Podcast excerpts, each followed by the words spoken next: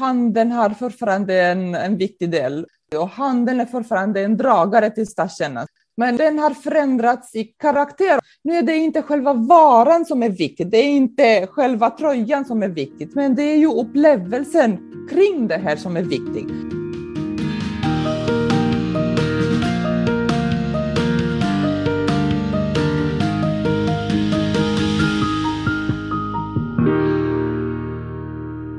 Vilken framtid har stadskärnan när allt fler handlar på nätet eller i köpcentrum utanför städerna?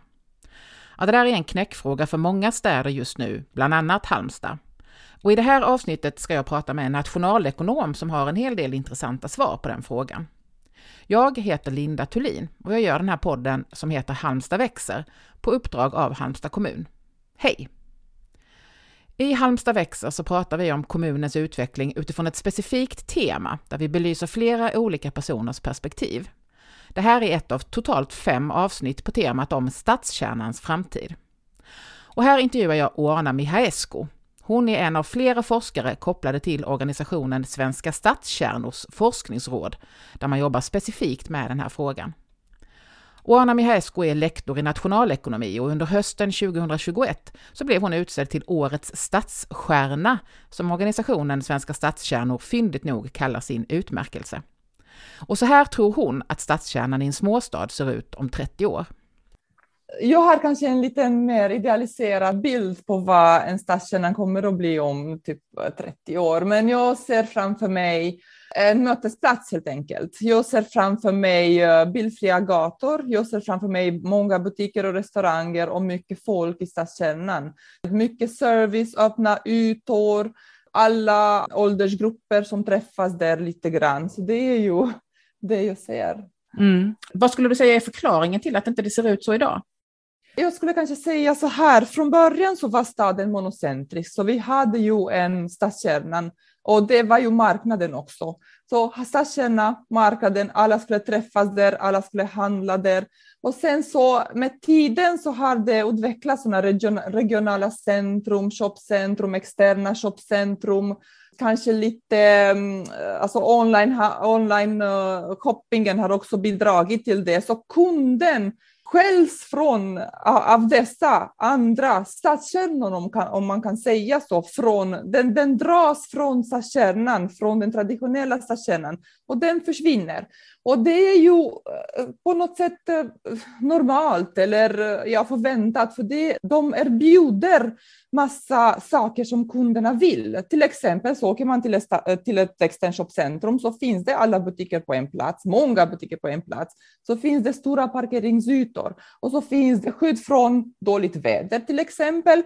Så det finns massa, massa funktioner som de har stulit på något sätt från stadskärnan eller från andra platser och de finns på, på samma plats nu.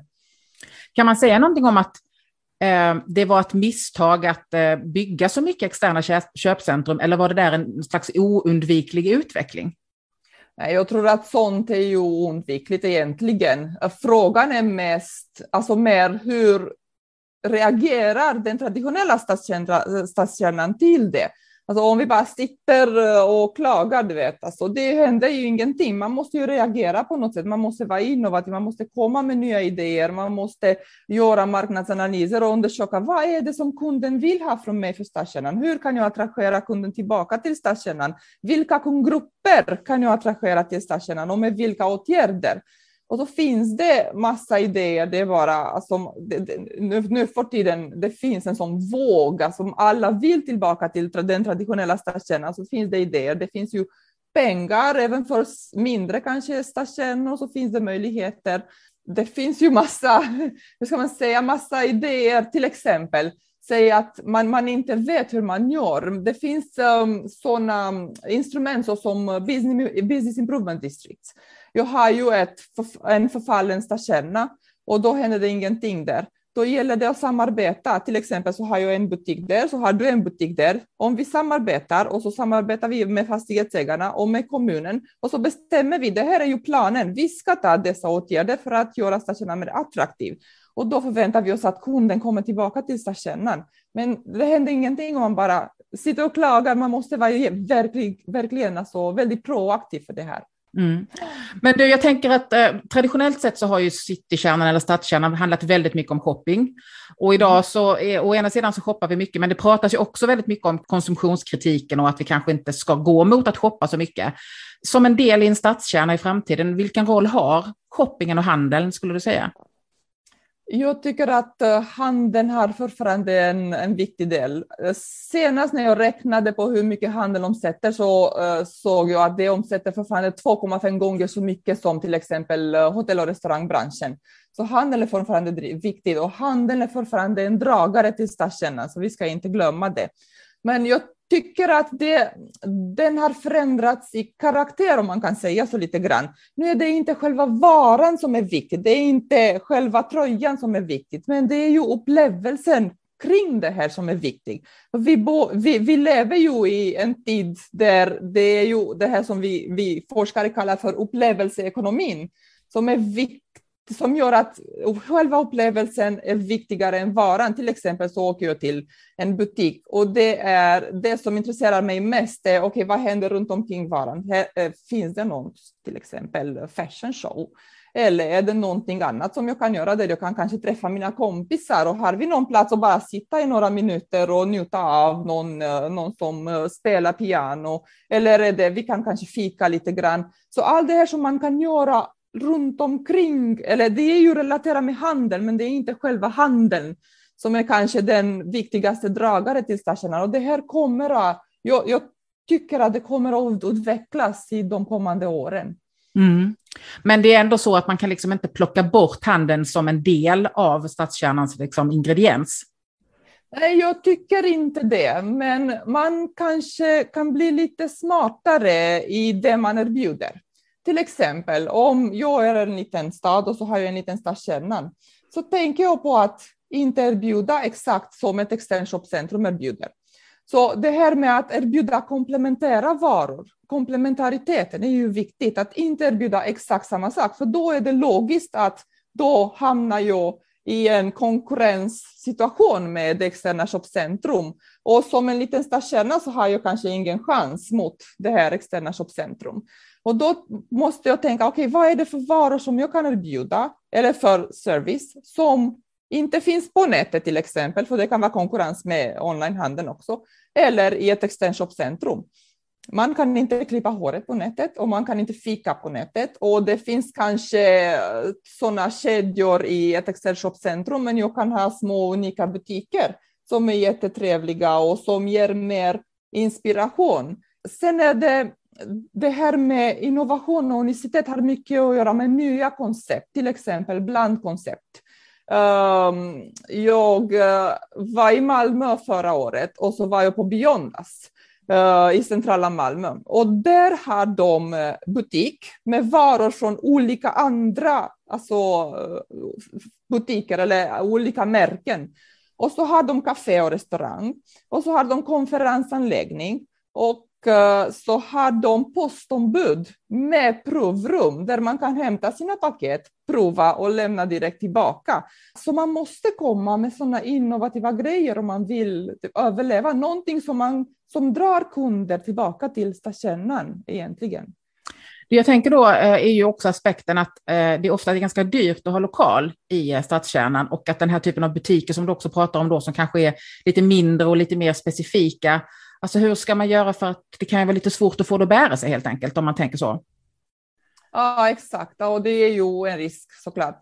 Ehm, men, men då kommer det här med att samarbeta, då, då blir det jätteviktigt. För, för det är inte så att en liten butik måste göra allt det här, om man har ju lite problem att man inte har så mycket pengar som en liten butik, då kan man kanske prata med fastighetsägarna kring hyror och sånt som ökar. Om, om, om ett, ett kvarter blir mer attraktivt, då är det normalt att hyrorna ökar. Och då är det normalt att de butikerna som är lite, mera, lite mindre produktiva till exempel, de flyttar ut för de har inte råd. Och sen är det som sagt inte alls bara så att det handlar om eh, shoppingen, utan det finns en massa andra delar också som då har, kan spela en stor roll. Säg någonting om vad det är man mer kan tänka kring vad som kan finnas i stadskärnan, mer än bara handel. Mm.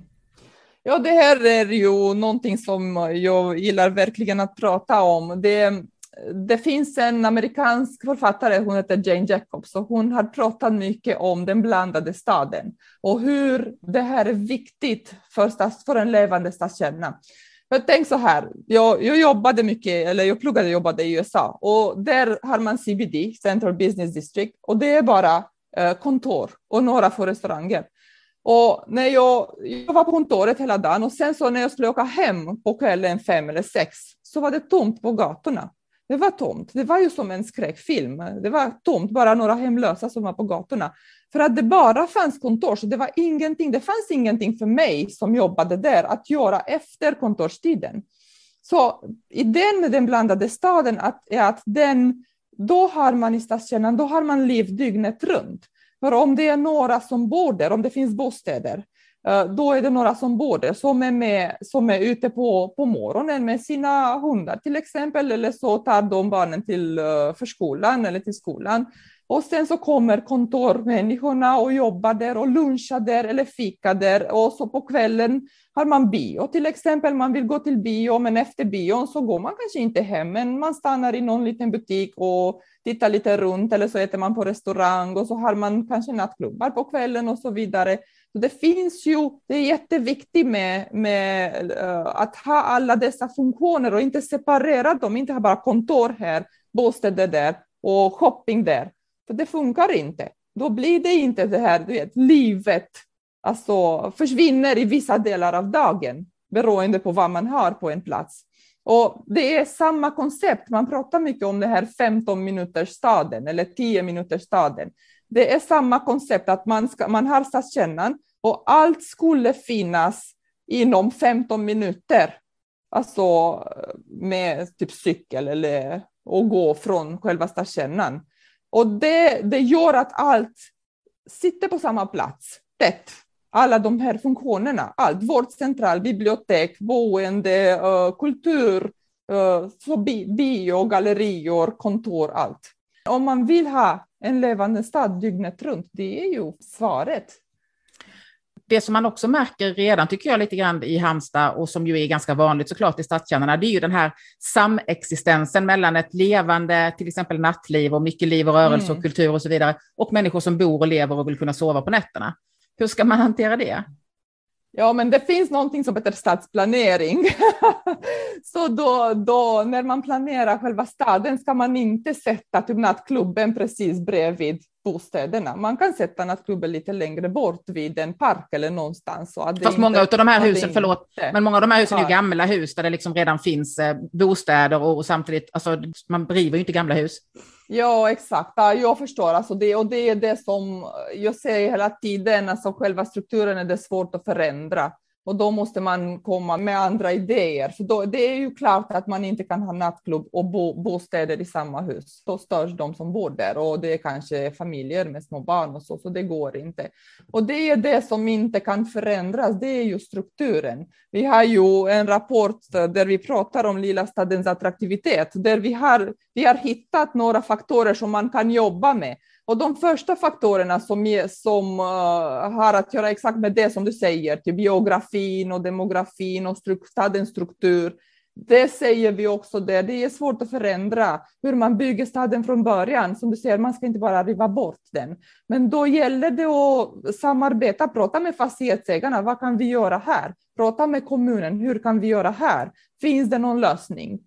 Och att man också kanske behöver, återigen när det gäller att tänka lite annorlunda, att det kanske är så att framtidens stad, det kommer att vara mer liv och rörelse och bor man och mm. lever där så får man också acceptera det i viss mån, eller är det, är det rimligt ja. att ställa sådana krav på en människa som, som väljer att bo i stan? Eller? Ja, jag tror det kanske. Och sen så är det inte alltså så att stadskärnan är typ sådana fem kvadratmeter. Nej. Det kan vara ju ganska stort. Nu beror det på vilken stad vi pratar om, men det är inte som att vi bara har en, vet, ett litet område här. Så man kan ju, man kan ju blanda dessa, alltså att blanda dessa funktioner, det betyder inte att allt ska finnas i samma byggnad. Det betyder bara att allt ska finnas inom sig, typ 10-15 minuter som de pratar om i den här konceptet med 15 minuters staden. Så de ska finnas nära varandra. Mm. Men det går ju att lösa. En annan central fråga som diskuteras både i Halmstad och på många andra håll och som du nämnde inledningsvis, det handlar om det här med, i din vision är det ett bilfritt centrum. Eh, många av fastighetsägarna och butikerna och så där pratar om att det, det, är väldigt svårt att få till, för då kommer inga kunder hit. Vad, vad, tänker du om den frågan kring både bilens närvaro och parkeringsplatsernas, vad de behöver vara och så där? Ja, det, det, är roligt att, att, du frågar, för vi har ju ett annat projekt. Vi jobbar ju nu med uh, Jönköping Business School och med Södertörns högskolan på ett projekt som heter Who would walk 500 miles som, um, som har att göra exakt med uh, det här med att vad har gågatorna, alltså bilfria gator, vad har de för effekter på staden i Sverige? Uh, och när man kollar på hela litteraturen, alltså det här har undersökts i hela världen uh, i forskningen, och när man kollar på litteraturen så finns det två olika grupper. Eh, en grupp som pratar mycket om fördelarna med bilfria gator. Och så pratar man med att det, det, olyckorna, antalet olyckor minskar, att man har en bättre hälsa för man uh, motionerar mer när det inte finns några, uh, alltså när, när man måste lämna bilden någonstans så motionerar man mer. Då pratar man också om sociala fördelar. Man träffas mer i stadskärnan med varandra. Um, och uh, allt det här har spillovers på butikerna och restaurangerna, säger de. Så positiva effekter på butikerna och restaurangerna i uh, de här uh, områdena som är bilfria. Och då finns det flera kunder, då attraheras flera, flera kunder till stadskärnan eller till de här områdena och flera kunder betyder mer försäljning helt enkelt. Men det finns den andra gruppen som säger så här, exakt som du sa, tillgänglighet. Vad gör vi med det? Då, alltså både jag som kund som inte kan ta bilen till stadskärnan och uh, varutransport som inte kanske, alltså nu finns det olika definitioner av bilfria gator. I vissa fall så får man komma med varorna till butikerna och i vissa fall så är det helt, alltså är helt eh, uh, förbudet att, att komma. Men varutransport, jag som kund och sen så är det många som säger så här. Ehm, bilburna kunder brukar spendera mer, har några forskare eh, kommit på. Eh, jag vet inte om det är för att de kanske eh, handlar större grejer. Jag vet inte, jag kan inte handla en frys om jag inte har bil att bära det med.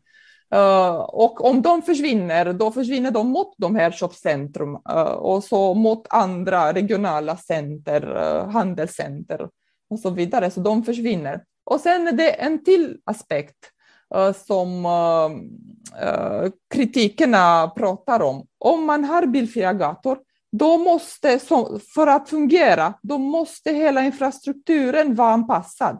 Alltså man måste ha eh, bussar, alltså att, att komma till de här områdena. Man, det måste finnas parkeringar kanske runt omkring. Så hela strukturen måste vara anpassad för att de här bilfria gatorna fungerar. Nu, nu vill vi kolla vad som händer i Sverige i projektet. Vi har ju inte resultat, men det är ju, frågan är, är de positiva effekterna starkare än de negativa? Och vad som händer och i vilka situationer? För det är svårt att veta i nuläget vilket som liksom väger över så att säga. Exakt, och det finns ju inte så mycket forskning på det heller. Så. För det som fastighetsägarna här i Halmstad säger, eh, och Cityföreningen och sådär, det är ju att de här stora retailkedjorna, de som finns på flera håll, de mm. har ju mm. centrala beslut som handlar om att vi etablerar oss inte i en stadskärna om inte det finns parkering på det här och det här sättet och på de här och de här villkoren. Exakt. Så där kan man liksom inte, finns ingenting man kan göra lokalt eh, åt det, utan det är centrala beslut vem ska anpassa sig efter vem där, eller kan man säga någonting om det? Ja, exakt. Och det är en sak som vi kollar i projektet också. Vi kollar om kedjorna försvinner och så dyker det upp små eller mindre restauranger eller om det är tvärtom. Um, ja, det är, igen så går jag tillbaka till det här med samarbetet. Det är ju om man, om man, om man tänker bara på vinster så har jag en bild i min huvud att det, kunderna försvinner från området om området blir, blir uh, bilfritt, då ska jag flytta ut min, min butik. Och då är det viktigt med forskningen, för då kan, om forskningen säger att nej, det är flera kunder som kommer till, till de, de här områdena, då kanske de stora, som du säger, de stora butikerna förstår att jaha, det är kanske inte en bra idé att du flyttar ut egentligen. Och det kanske inte viktigt att jag har parkeringen här om kunderna kommer ändå. Det räcker kanske om jag har parkering lite längre bort, för det bilfria gatorna gör att det finns ju flera kunder i området och då blir det fördelar för mig som butik. Men det är den här osäkerheten kanske som gör att flera väljer att flytta ut då ur den, de här områdena eller kritisera, för de vet inte, blir det bättre, blir det flera kunder i, i bilfria områden eller inte? Eller hur, hur blir det? Vad är det för effekter? Är det bättre vi flyttar bara ut? Så ni jobbar lite grann på att kunna ge dem svart på vitt. Vad är svaret på den här frågan helt enkelt? Exakt. Mm. mm. Du, till sist då, Anna, så undrar jag också, ehm, för det här är ju som sagt ett problem som eh, Halmstad har uppmärksammat under en längre tid, men som ju verkligen inte Halmstad är ensamma om, tvärtom. Vad skulle du säga kännetecknar de kommuner som har lyckats med att få en bra och levande stadskärna? Um, för det första så skulle jag säga man måste förstå att man behöver flera funktioner i en stadskärna, inte bara en.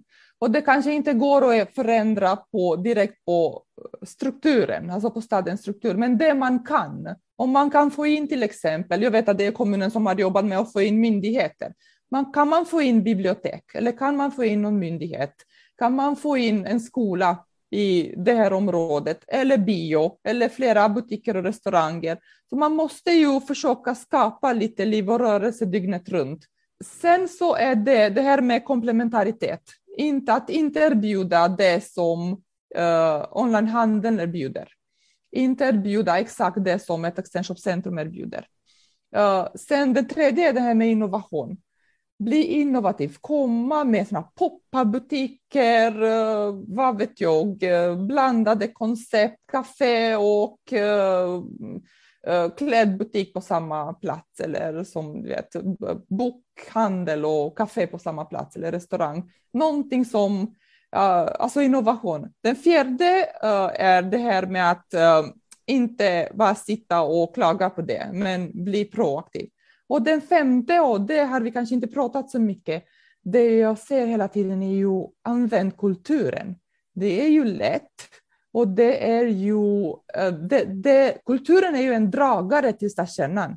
Använd det på olika sätt. Det kan vara gallerior, det kan vara så att man målar ju väggarna, eh, det kan vara så att man bokar in konserter och marknader och så. Använd kulturen och evenemang för att dra in människorna, för vi är ju sugna på det och speciellt nu efter pandemin så vill man träffas och gå på teater och vara med varandra. Så man, man, det är ju en stor dragare kulturen är ofta, eh, kämpar ju ofta eh, och har svårt att gå runt och klara sig liksom rent ekonomiskt och sådär. Kan man göra någonting från kommunens sida då för att eh, helt enkelt understödja kulturen för att den har så stor betydelse för stadskärnans liv och rörelse?